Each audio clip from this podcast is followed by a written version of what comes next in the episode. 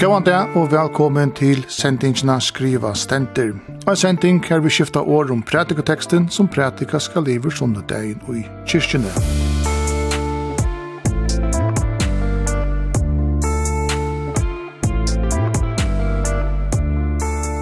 Vester er og vibbeie, Kari Selstein og Armkar Arke God Frøyinger. Og saman av jokken har vi både tveimun gestun som har finnst til oppgave at han kvar sin hatt at lesa pratikoteksten, skifta varumteksten, tolka han og røyna setan inn i en utrymans høpe.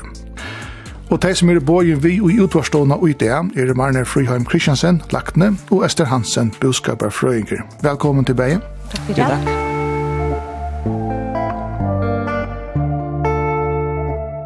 Men när tar til å den her teksten som vi tar skulle vidtjer ut det, ja, hva också seg du da? Ja, altså det er jo teksten om talenten her, det er en sera velkjent uh, luknelse som i Øystein Jøkken Atlan oppvøksen har vi hørt mengan og man har haft sine tankar om helt først og fremst at det har stått litt å slippe at tåsa om et her og sette seg under Møyren og et her. Det er og som kan skiljas på ölen ekva matar og som man kan snakka lunch om så det var kanskje min första lunch att jag hade stått lite att släppa snacka sin här då. Mm. Vad hva jag också Hva er helt då. Ja, jag också det jag visste att jag läste så i minns så för att jag hörsta som yngre och jeg og Jøkken Løyve at det är sån här med över till han drivs inte stora straff alltid. Därför vi til høyre men han teker til ena talent som en fjärr och han ska inte häva och så ger väl hin som høver fem eller tutsi eller hva han heje så men så vi vinner til å Lise så har vi akkurat finnes ju mer mer på så det er faktisk stolt av å vi sleppa mm. lesa en tekst snakker fyrir jøkken og, og tolka sin mer borsurt. Og i dag er så tre sunnedager fyrir faste, røpte sunnedager septa og gesima. Ja, gamle, hva det er det for nekka septa og gesima? Septa gesima? Ja, og kristne høp så ser vi da påskene til den ultimative hatøyen, og vi telja nye nu til påskadag. Septa og gesima betyr den halvfjerses tjoende undforsteg i daveren til påskadag. Teksten i dag er ur Matteus evangelion, kapittel 25, ørentene 14 til 30.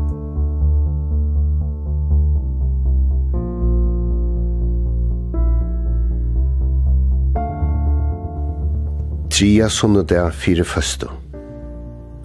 der septuagesima. Seitna tekstarø, Matteus evangelie, 25. kapittel, ørendene 14 til 30.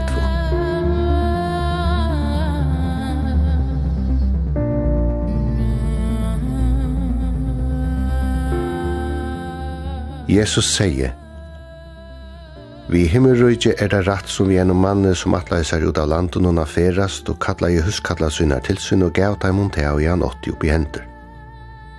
Og einon gav han fem talenter, øron tver og hinno tria eina, hver jo nettu syn og føremåne, og så får han av landen. Men vi tar samme fort han som finnes hei hinar fem talentenar og han leie vitt dem og vann ærar fem talenter. Som leis vann eisne han som finnes hei tver, ærar tver. Men han som finnes hei hina eino, får å grå et hål i hjørna og fjalte penkarna til husbunda synnen. Men ta i langt tog i om lien, kjemur husbønden tja hesson huskøtlun attur og gjer opp rockskapen vittar.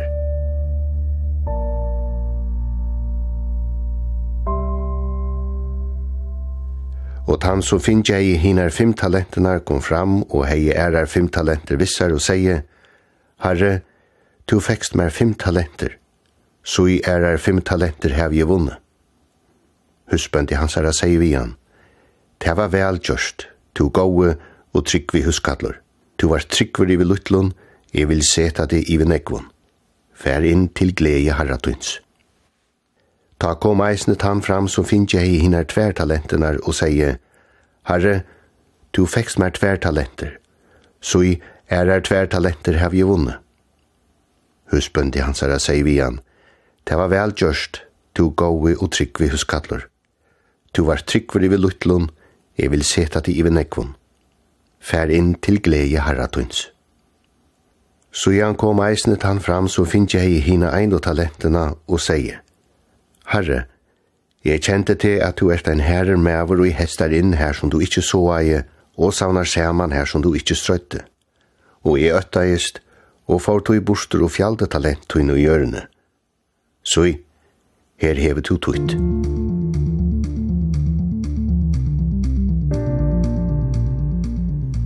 Men husbøndi hans er sværa i og sier vi han, «Tu idle og leti huskallur. Tu visti at i hesti inn her som i ikkje såaie, og savne saman her som i ikkje strøtte. Tu åtte tui at hava sett peningar munar inn tja peningarvekslaren hun, så hei e, ta og e kom heim, kunna finnje mutt astur vi rento. Teatje tui talentina fra hun, og letet han som hever hinar tujje talentina er fåana.» tog at ein og kvarjon som hever skal vera give, og han skal heva i iverflow, men han som ikke hever, fra honom skal vera tidsi, eisne te som han hever. Og kasti hin ådona huskallen ut i myrkri fyrir utan, her skal vera grater og tannagrusl.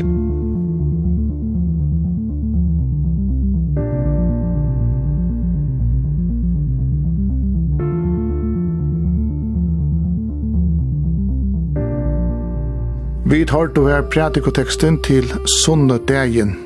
Jeg anker at det er kjent luknelse stendet bæg i Markus, Lukas og i Abkryfnon og i Matteus evangelien. Jeg kan det som hender det. Jeg tror om en maver som ryker, som fer av landet noen, og alt som han eier, all åknen legger han i hendene av trimon tænaren. Og til få imiskar oppad. Og så fer han av sted. Og så er det at vi bara såg kvad hes her trutjer tannarna i husen John kvad där förgera vi okna tja hushållaren kostar reagera. Och en för ordlan nekva pengar alltså. Ja, man ser det här att hvis man skulle räkna till att det i romerska tog så är det ju drakmer och sekel och vad det imskar upp. Alltså ett talent var en mynta enda. Og man sier at ein drakma sværa til en, en, ein talent sværa til 6.000 drakmer, og ein drakma sværa til en daglønn. Så man sier, han fikk en talenta, han fikk 90 millioner, han neste fikk 8 millioner, og han tre fikk 45 millioner, hvis man skal råkna det snøglund ut til okkara tog i det. Men er det poenget til å få imust? Det er på imust et kostet her er selv, ja. Og så kommer det atter, og hva er det? Ja, så hever en beskylagåver, og nei, så tar jeg beskylagåver, og den ene ikke. Ja. Og så får vi det to takk på 7000 som er, på 7000 som er et Matteus-effekt. Som er? Ta som hever skal få meg.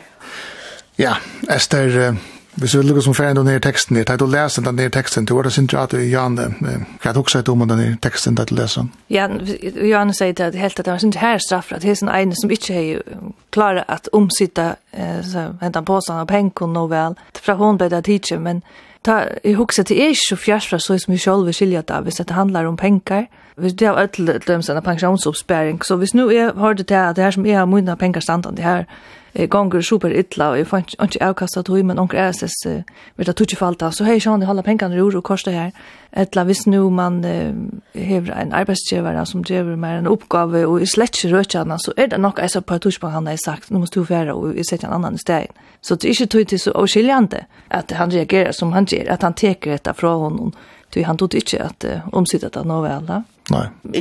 Identifiserer du du nærkene av det? Jeg sa, altså som jeg sa sin til Gyprin uita, at det aller første leie er kunne vi penger, og et annet som jeg har lyst, alt det sånt jeg var yngre, det var faktisk talent som vi skiller et år talent i det, som er en gava eller noen evne du hever, og ta halt i eisen til, er, det kan godt brukes til det, så du finnes noen evner, og det er ordentlig hvis du grever det, nye hjørne, eller grever det selv om nye hjørne, og ikke tårer at uh, sindsett la spela gitar eller også, og, og, og deila ut av tog, så vi ånden kunne gjøre det godt at hun gav henne. Men det tre jeg husker faktisk at det er, vi vi tar öll finchen ax við sjá just okkun við er ikki arbeiði fyrir tella just for kjenta til det og til tei privilegien eller så som eg kan sjá de hava at et av tilvilt er oppvaksen og i fyrjon her eh omstøna er goar og, og som kvinna har vi nokkur rattende og eg har na upekvink etla har eit arbeid og så vidare og så er det det eg halti at hester her menn här finko lite det oppi henter at taka seg av his pengnun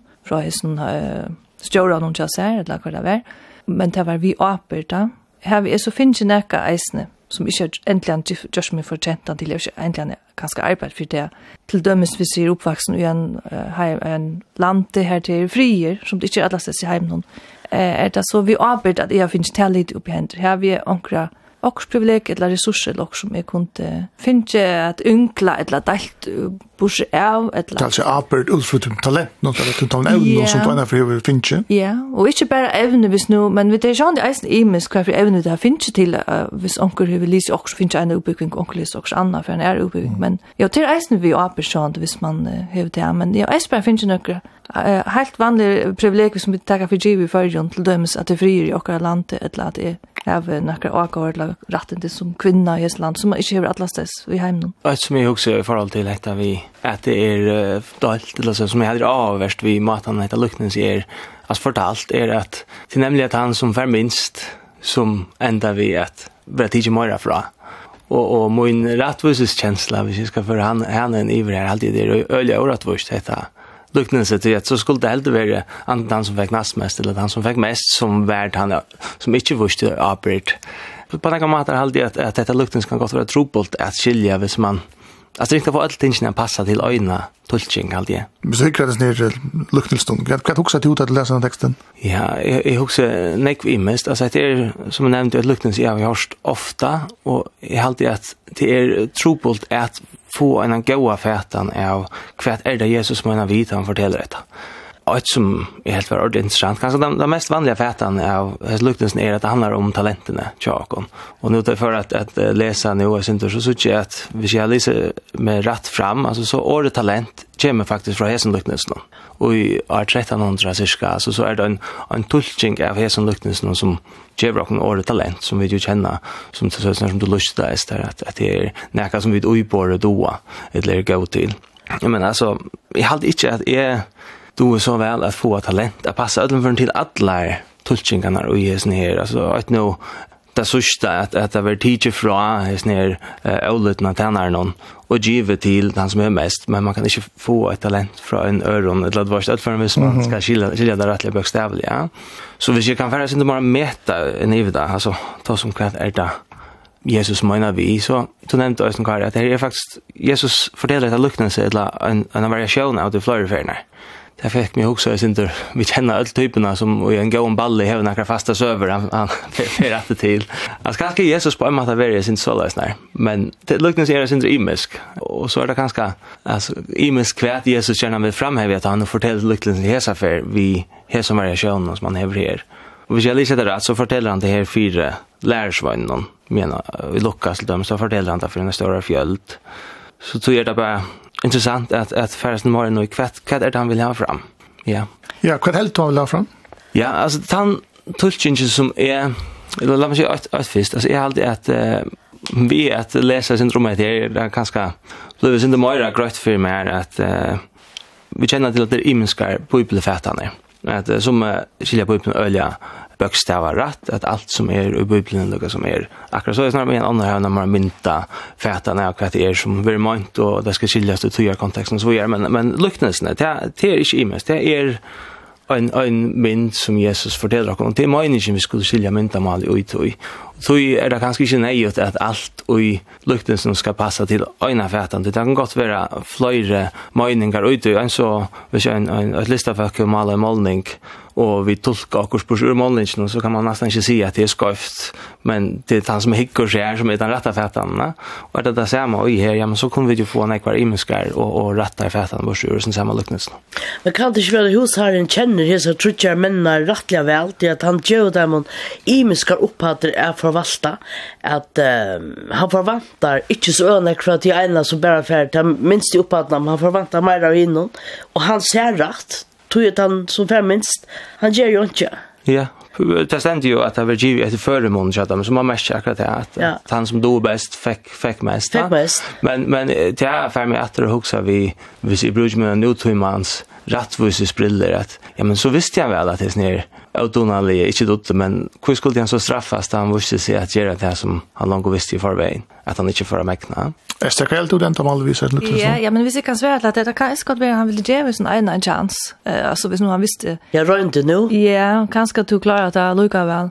Jeg vet ikke om jeg halte det så, uh, at, at det er overrattvis at det ikke får lukka, til det nettopp er et føremån, til at det kan ikke være en latte, hvis nu man er en som ikke stod så vel, til det er tross alt ordentlig enn jeg penger der skulle omsida tid att det är inte arbete faktiskt skulle göra. Så det är inte där få några pengar som hon tar skulle äga det och att en är helter och en är mindre helter. Det, kan, det är en extra arbete att man fick fem talenter eller fem posten av pengar man skulle omsitte i mån han som bara fick ene. Men jag såg det sen som hvis, hvis vi var en flåfære och onkel fick hjertestopp, så hette det nok bli og ordnet det Og det vill säga hvis man lacknar så har man nästa större uppert än jag har haft en sån før. och alle flåfære hade givet här det här hvis när vi stod lacknar till dem. Så, så det vil säga att det är nog rätt nog att här få det etter förmån. Men hvis vi du har ringet då i Øster, hvis vi tolkar det till det här att det är vi att Ja, vi att det en, en, en, en, talent, vi har talent for jokken, vi dover Och öll. Okkra gaver. Okkra gaver som vi har finnst. Og det er gavner som vi tar finnst, og det er det som er lukket som i mynden på at det er at vi har öll finnst hver så talent et eller gaver.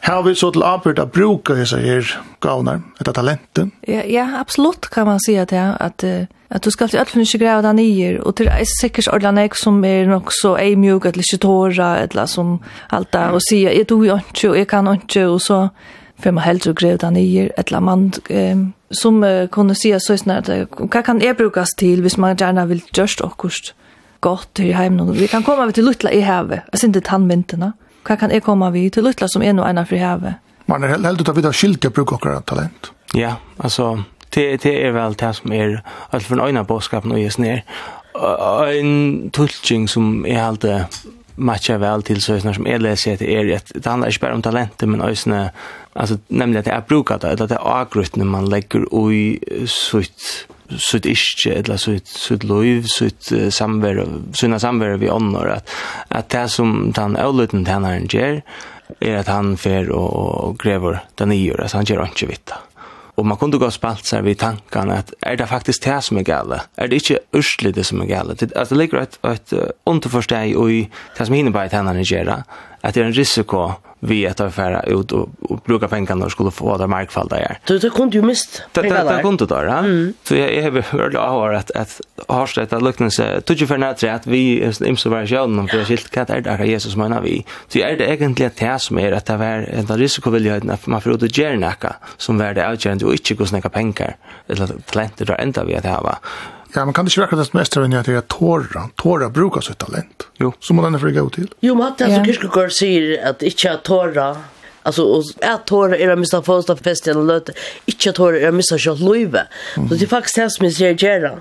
Att han riskerar, han riskerar allt.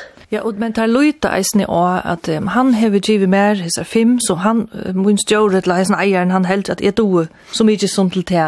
Uh, da kan kan eiskat ha vært åsikker hisen her som fektar fem, og, og til en stor rapert, og hetta må jeg heldig få til a unkla, eller fordopla, og så videre, men det er... Jeg, jeg ja. synder ho at, at nevna et av hinne som, som Jesus forteller om, om nesten sommersøv, altså i Lukas 9, eh, og fra vers 13 og fram, her er det et luknande, altså her er det ikke trutje tjej men men tutje tjänare Og her er det att det får tutje pund alltså 8 pund i parst. Og annars så så enda det jeg synes det lika så att ankor för för Moira Bursjor anker för minne og att ösn vill lucka som give till tar som får Fyrir jeg skilja, det er till luckan ikke inte ut av at her vi etter det forstreiter. Det er alltid rettelig avhørst, men altså, hvor er det at Jesus fortällde og på hända matan för lärsvännen. Da man forteller for en større fjell, så umynda vil det kanskje være flere som er, som har hatt det. Ja, men hatt det året, vi skulle snakke og snakke om hatt det, men lærer så når her er påskapen ganske mer, ja, men de suttja, de vita jo i middentikken, anker du er bedre etter enn hatt det, og så er den påskapen noe som man vil ha fram, at ja, men det er imensbort. Det vet jeg vid øyne hvis vi titter ut, og i samfunnet, altså, som er doa bedre enn anker ting enn andre. Det er bare reelt, det så er det, og det er ganske en større arbeid av at nemlig, bruka det här till att jag kunde få några anker som bara finns joina och i för den tiden inte talet. Jag så står ju att hon som näck lite till blir ännu mer kraft. Alltså tal vis man nu ser bort från penken och också rätt till folk som är född vid några gåvor och talent, Så kan man se att han inte är en talent ner. han kastar vräk och tar lov i han finns. Mm. Det syns inte han finns han ger och kvitta. Kanske han är en apert är gagnöjta. Kvært okay. så en er om det er av en jeg har gått ikke eller hjelpa øren eller at boa kristendom eller kvært det skal være som rett menneskeslig kassar han også vegna brek og at og kanskje her over øvnsjukker til å se hvordan jeg hinner få at, at inkla og forvalta. Men hva er talent? Hva er det at jeg har talent? Jeg, jeg har alltid at min beste fætan er at jeg er at vi så avgrøttene i tunnen løyve. Det kan vi være alt mulig, hvis man teker det evangelisk og fætene, så er det også at, at vi så akkurat i at røkke øre menneskene og, og få dem uh, hjem til, uh, til god, og, og det kan jo også være mer verstlig, altså bruke det gaver man hever. Ja, og det er nekka du finnes ikke giv, altså du er ikke er så fortjentan til det, du finnes ikke giv, så det er en slæ, ja, du så finnes det vi, vi aper, så det er slæ av oppgave som ligger ute, ganske. Ja, du finnes det for ikke giv, da vi er for ikke? Ja, ja. Ja, men det er også om, hvis en drongerspill, tvær drongerspill balt, og annar, bare venja lukka nek, så skulle man tuta Bayer, så, så blir jo Bayer gau fotbollsspelare, men, men det er har skrøtt at ein hev talent, altså han doer bare beter enn hin, sjokk han tar vant lukka nek, vi har onker evne fram om ånden. Fram om ånden, selv om vi gjør akkurat lukken jeg, eller venner lukken jeg, som er kjøs, eller hva? Jo. Altså man sier jo, han er talentfjes nær. Det er pura grønt. Ja, og det er interessant at det er året jeg faktisk kommer fra heisen løknelsen, og ikke øvet som jeg, jeg egentlig har vildt det. Ja. Og det var sagt noe her som gjør at vi er mennesker og ikke robotar, vi er alle imenskap, imsa gaver. Ja, ja. Man skal, hvis man, man kan si at det er fra skaperne versen som man finner, vi er alle ja, vi tar finner imiske gaver og evner, og vi skulle eisen alle imiske. Eh att alltså var den jag jag torra. Skulle vi torra säga att vi tar talent for det? Ja, så det är så imiske som man är, alltså och vad kultur man kommer från alt möjligt så där som som mycket torra. Alltså jag hva det faktiskt då och är det bedre til det det kan ju vara så nekv, så hvis noen til dømes man er mer ressurssterskere enn noen andre, det kan, det kan være til dømes at du skal være en rødt for noen som ikke kan sjølver, at stand opp for noen, du, du er mer ressurssterskere, eller, eller at lust av et øyre, et okkursåret som, eller det kan være också praktiskt hvis du har evne til det, eller penger, eller hva det skal være. Ja, det er også spennende, ofte når jeg så, så, så, så, så, så, så, så, så, så, så, så, så, så, så, så, så, Men här lägger alltså Jesus upp till du måste tåra standa vita som du finns eller det ämnet som du finns ja, och, men och bruka dig. En viktig poäng är sen att han ger lika vi boar som klarar sig väl. Han ser akkurat det samma vi tar boar. Om det var han ene som fick fem bursor och hin fick två, det har fördopplat bara tvär. Men uppfattningar kan kunde inte det som. Och han säger, to går ju till kvitänare också den dörren. Så att det ta samma ros han favoriserar i näkan att dem. Så det lukar mycket om du network over. Ta han teker ta ögonen från honom som som som bara i ögonen så är det han som hej tutjo som för han och inte han som Ja, det passar. Ja. Hej. Det var inte skit han som. Ja, jag är med armkar näka. Nu kan det ju vara att att att det mål var kusar till och när så här som Jesus säger att här som har finns så står upp att per tryck på mera att låta göra mera vitta hin kaska ivast. Så gotter, det patch med nier. Nästa han som har finns det över eh ja men där han som finns ju fyra kvar för kan inte öna. Det kanske är insats till hinner vi testar större. Har hon det än mer. Men det poängterar är att det lukar mycket kost när jag även även rycker det värst vart där. Alltså onkel kan vara minne även rycker onkel kan vara ordla även rycker men till till det bäj Luika. Ja vi känner ju lite. Det är det. Det är nämligen att det är viktigt på en kostnad till urslit. Ja. Och ta känna ta känna vi ju. Då är det snö där snörs i botten kommer den pastor av frakra as luklens ner är en pastor av frakra som Jesus om Jesus att kom ja. Ja. Alltså det kommer bort att när det tog ju mycket när oljan och lampan det allt där och lätta så ju broa kläder alltså så kommer det luklens ser han till sig att det är av min. Jesus. Är det inte? Jo, jo, altså jeg alltså jag också visst jag det er stendt langt längre og Arne han snakker om så här tycker mycket annat at det er rich himmelrich altså det er som heter. Det vill säga man som tär skulle hålla sig vaknar altså her, mye när vi kör olje og lamporna og det. Så skulle hese tärnarna alltså vi viskner och och vi är igång och etter efter at herren kommer att det list her, stjåren, eller hva han heter, så är att ja altså det er ikke bare, så att det kunne bruka og gjøre som det vill det över över allt livet eller så. Att det vet at det er akkurat som et, enda punkt, her kommer man atter, og ta skal i standard svars for hvordan jeg nå klarer røkt dette her, som jeg fikk litt i hent. Så det er eisen båskapen ganske ut i at eh, omsida er rett, eller være visken, og være verken, eller være aktiver, og i stedet for bare grævda nir, og ikke gjøre vitt Ja, så er stolst alt for at han ene som ikke klarer rødt at no welfare velferd, han straffen skal tids från, men hinner bare få samme svære at du har en gård og trykker tjener. Ja, altså han er jo rettelig kontanter, og i hesen saman engineer det du nevnte jeg må ikke at han har kommet seg inn her og gøyt nær det er skillna av den og ta enda han jo et lukknes vi og kaste hinn ut unna husk at den ut i myske for åttan her skal være grater og tanna krusj og det er ikke just det at han er rettelig kontanter her og kontammer ofta ganske best at ikke at välja sånn ekvitt han parste men det er det er urslitt ikke hos øyne og sånn tenner nødt for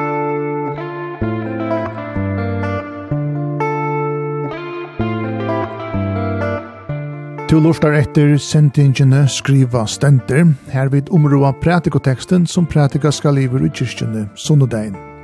Teksteren er ur evangelien etter Matteus kapittel 25 og er om luknelse om talentene. Gjester er Ester Hansen og Marner Fruiheim Kristiansen.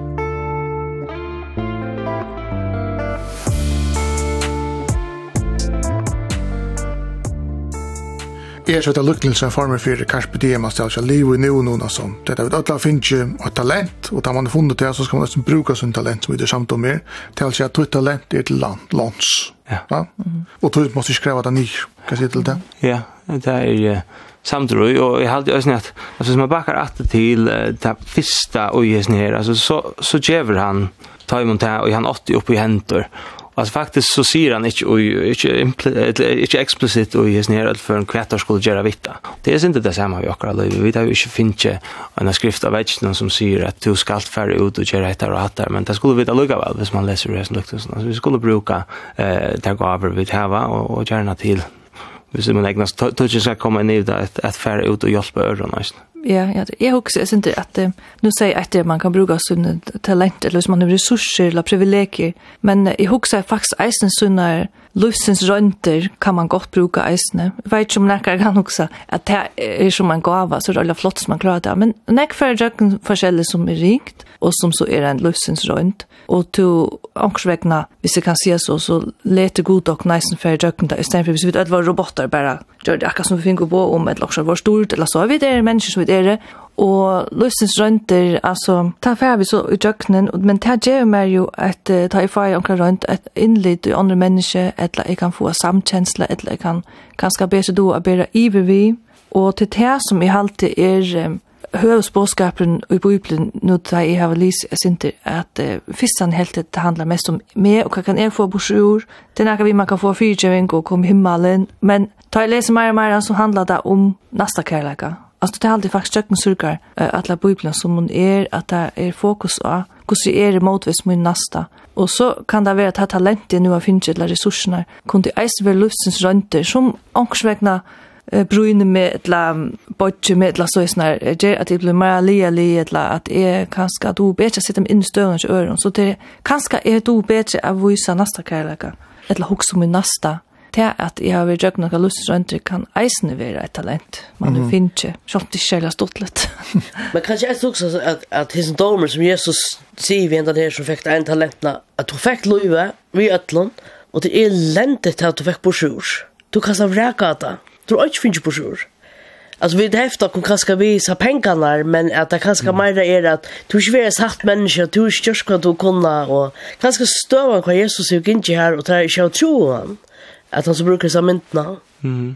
Ja, men uh, är det bara det som ska till att man finns några bort ur eller är vi här att Det hade vi till att 90 effekten vi allt vill jag? Ja, och vill det så säga att han säger kvart man tror på, men bara man finns inte på ur så släpper man det om i gåa sällskapet. Och detta lycknelse har nog ofta varit brukt till alltså problematiska, vil jag nästan kalle det, tulkingar at Alltså så det som att hvis man har några pengar hem så tyder det på att man är en god tryggventänare och det så kan man kött ända ut i omkring som blir rätt problematiskt all det.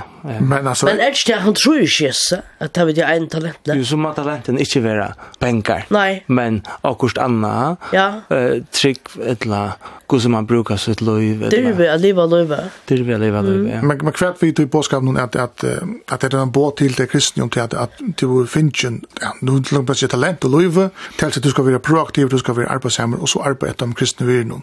Alltså man skulle säga talent för jag vill sniskytte så det är alltså det är att att jag vet inte alltså ska det bruka det här till fullen här eller vad heter Ja. Det var han han gör en uppskrift. Det var en uppskrift på hur det skulle leva upp. Det sände bara till att tämma vill att här så får mest pengar att inkla till att här har varit till och nasarta och större mat än han vid en talentna. Ja där har trott tui. Ja, men jeg husker, hvis man nu var snyskyster så kunne man bruke sitt gode talent ordentlig godt. Så kanskje man fattelig undra över en av dem som hin tenner som hej misskilt, hin som bär för nere, gräva ner i jorden alltså på en tjej var det. Du kom på sjur, ja. som var gott, ja. Man får inte mer dömd att att att du du är Robert och för talent men du måste bruka det inne för det du kristna sia lärna på en kramat du måste också inne för ett etiskt marsch. Det är sikkert. Ikke? Nej. Alltså kanske inte hvis man skiljer hetta luknens i sig själva men hetta luknens ska självande skiljas i det stora sammanhanget när vad Jesus ösen säger du tar att att jag hade vi ju alltså en en snitt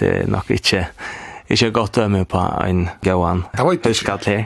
Nei, men Jesus sier, hva godt gjørs du om du bare helser på timen som helser på det? Altså, det er noe universellt å gjøre snere. Ja, altså, jeg til det til, det ligger ikke en arbeid å gjøre snere at jeg skal handle etter de kristne virene, vi må talenten. Nei, du skal bruke lov i kjadar. Jag sikkert. Allra helst mig som hvis jeg sier så er att det som jeg halte tjøkken surkar på ypla, det er man, att det är mye naste, alltså naste kärleken.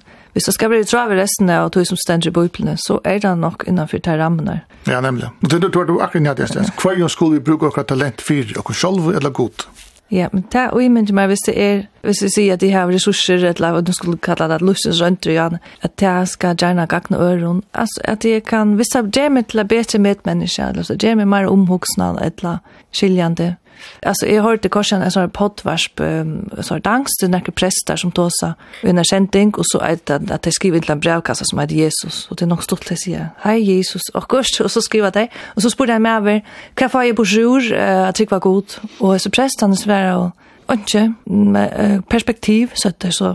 Det mente vi, hvis man har sin nyttig hoksene, hva for jeg bors ur, for jeg lever langt, eller blir rykere, eller også det, er trygg og god, hva er det for meg, altså sånn cost-benefit, tog mye da, hvis ikke får noen jeg bors ur, og det er at du får ikke kjøre bors ur, men du får perspektiv, og da mente vi, så kanskje ikke alt handler om det selv, men om du er neste, hvis du kan få en oppfyre, noen ører rundt om det, Man får också såna tankar tar man så här lacknar åt landamörsk. Att det är något nobelt, något störst, något nästra kärleke. Jag ser att i vantar för hjälp på öron. Det är inte något som är väldigt implicit till starven och tog över. Alltså nu, nu vill jag inte förhärliga alla lacknar. Alltså det är ju parstvus tja, tja flöjde, men alltså det är ju ösne ett eller annat status i tui, alltså som ligger ui tui att annars skjuta att, att man ger det som ger vi egoistisk till en själv alltså så där kan man kan vara pura grött för det motor men men jo alltså det det vill vara näka som trekker till lackna starve att man inte hjälper runt här Men det du sier at så ånden skjutja at du gjør snakka godt. Har du så langt å finne til rås etter til løn eller så? akkur som hest tænerne er ikke finne hesten her stjåren kommer at det å få rås. Mm. Det kan ikke, jeg kunne vi kanskje akkurat som gjør det kjønnelig godt. Så får vi langer ros. Jeg vet ikke om det er mm. til vi som har vært så godt. Men ikke människa är det något. För det var saknas till för fire, et annet, for et annet enn øre mennesker det inte det? Jo, det er utan Eva, og det er at det er øyne er et, et bonus at annars skjøtter at man gjør også godt. Altså, hvis det er bare det man gjør det fire, så er det greit. Så, så er det nok ikke det som vi mønt vi i som lukknesen som man legger nek og ut av. Det skal gjerne være for akkurat smøyre enn bare. Ja, og så andre, det er være for mindre lir og gjøre godt, og at andre skjøtter det, og vi røyner at stemt bedre, og være gå mot grunnøren. Det kan ikke være noe ringt ut i. Amgar, vi tar som gjerne med det, lukknesen som Kristiat kommer. Og da man leser det, så får man ganske ta fetan at uh, da Jesus kommer etter, så skulle vi ta og nekka vi sa at uh, vi tar omsitt i talent godt nok. Det er rett skilt. Jeg vet ikke. It's a tricky question.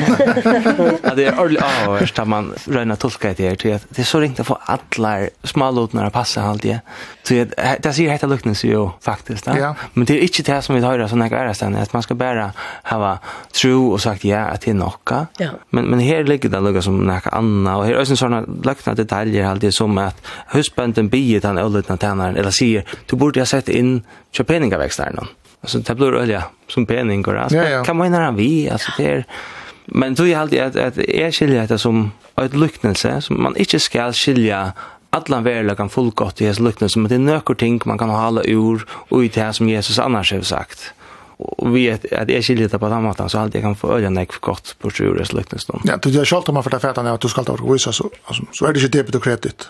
Nej, vi känner ju så det. Nej, som man Mhm. Nej, jag jag jag inte förstår sig att jag läser på att ta vara en sån uppger, hvis man ska till himmels, tu släpper akra in och tu släpper alla väl inom och onkel du brukte du växt och talent du brukte tu som en blackar ut att det. Här är ju debit och kredit. Nej, jag har inte. Jag bara nej, så att... Ja, jag vet inte hur så är vi här. Man här framan ontan jag vet inte ska tolka det hvis nu man ska få frälse eh, alltså att få fyrtjing hvis det inte är och frälse men det är Hese vår tjänare framan ontan till också. Det var långt sett i starv. Ja, är väl det också. Men det vet inte hur ska tolka det så längt. Att oj, tog att vissa, de när det är häva lukka som jotta trunna, så vil det som en fylltja av du først til at har brukt og talentina kila godt.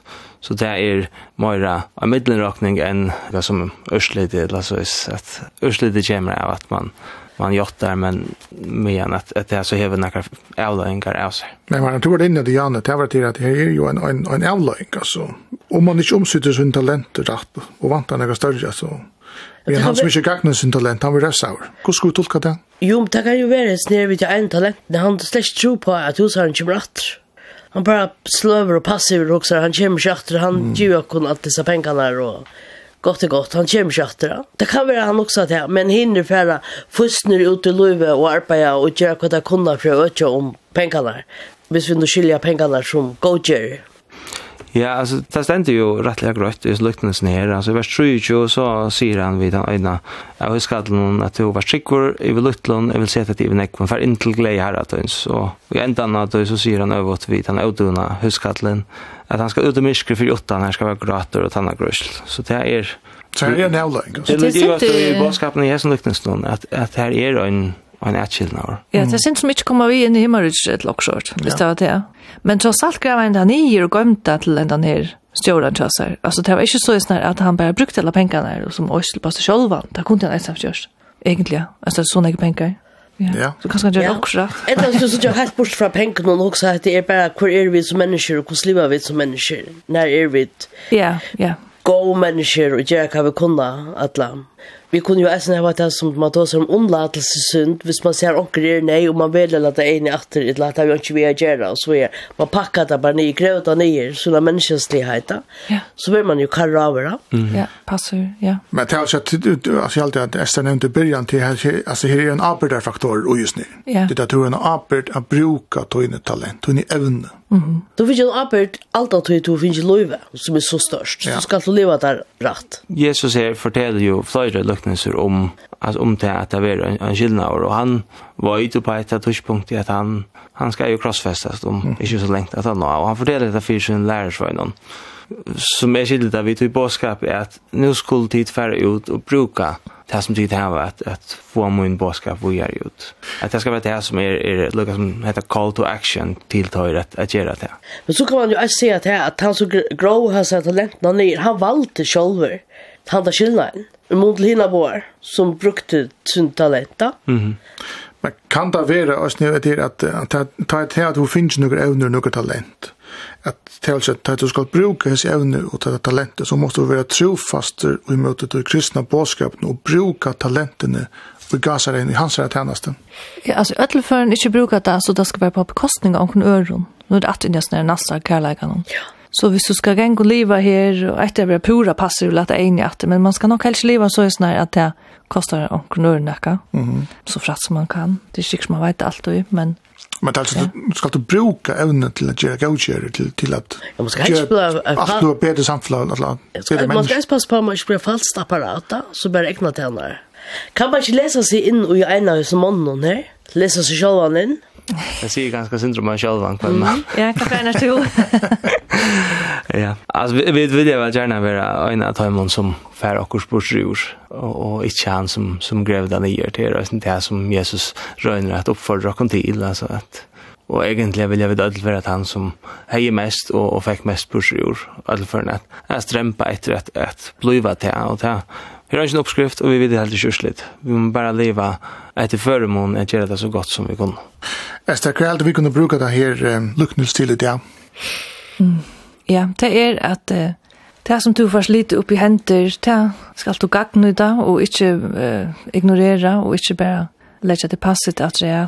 Og hvis man så skal sette i samband med resten av biblene, er man uh, sette i samband med, så i nasta, hva kan man gjeva her som man kan, og kanskje du hever onker evner og førleikar, eller rønter, så kan steile av her, du kan svera en, en hjelp på onker måte, til onkron, eller en stol.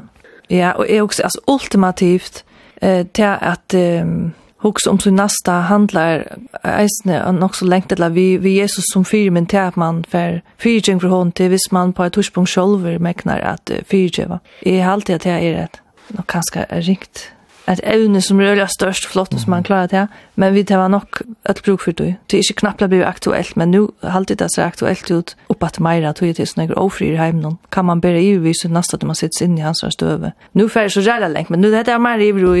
du har några resurser och några evner, eller lusens rönter som du kan eisen bruka. Ja. Man kan aldrig vi kunde bruka det luktningsstil i det. Jag hade det luktningsstil kunde vi bruka som en användning om att vi skulle røyna at liva akkara loiv til fullnar så vel som vi mekna. Altså, jeg har alltid at jeg tar ikke ure til innsatsen som vi skulle lage i loiv. Altså, ikke at gjøre det som den avlutne tænaren gjør det at han boja, han iveis kanskje oi om, om huskbøndet kom atter, han alføren boja vi at lukka som gjør en innsats, at boja vi at bruka til gav han finner i loiv, og til kvett noe vi sier heldur skuld til at gjørst hattar jeg skiljer det som at vi skulle være gongt, altså vi skulle gjøre nekka, vi skulle ikke bare være passiv, om vi så enda vet alltid gjør det rett at det kommer vi ikke vidare men det er aller helst bedre att vi gjør akkurat enn at vi bruker akkurat løy till att göra ikke. Og, og kanskje eisen til at man, man skal ikke være så eimjuker og så løydelaten at man husker at jeg kan ikke, og jeg kan spruga til nækka, men at det faktisk er vidt, her finnes nækka gaver, nekka evner, så ligger jo okkur nok naturlig, å vilja strempe etter å bli bedre, eller vi tar interesser, og man innskjer, altså man tog med vel å få seg ta ikke slei som man innskjer seg fire, og man tog med vel at gjøre sitt arbeid godt, og bli vi utvikla seg, og, og bli bedre og bedre, og et eller annet, som man innskjer seg fire kanskje, eller hvis man er kreativ, eller også. Så det er er eisen naturligt och vegna uh, ger hetta lukkelse för man rose fyra hvis man tøymer, altså det er godt at du tøymer å bruka tøyne evner. Kjell du angra, vi kan bruka til lukknelse til i dag. Jeg har til at det sier at løyv er en gava, og at oliva løyv er en hoan mot sjål og løyven.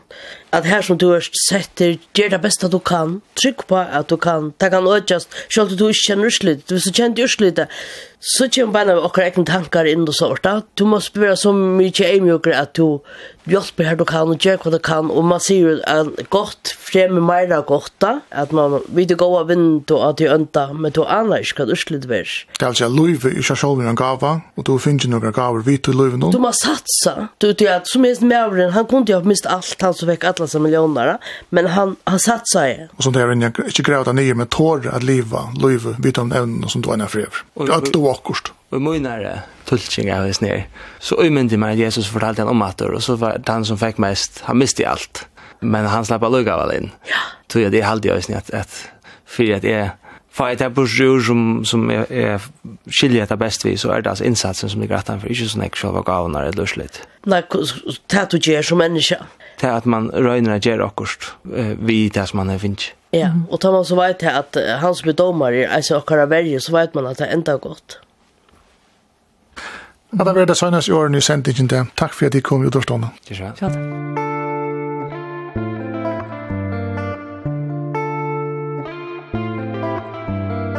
Hetta var sendingen skriva stender. Vi tava ui sendingen i det omrøtt pratikoteksten til Sundadein, som er ur evangelien etter Matteus, kapittel 25. Lyknelse om talentenar. Gjester var Esther Hansen, budskapar Frøyinger og Marner Frøyheim Kristiansen, Lakne. Kari Selstein og Armkar Arke løttet til rattes, skriva stender vi ratter om øyna viko. Farvel.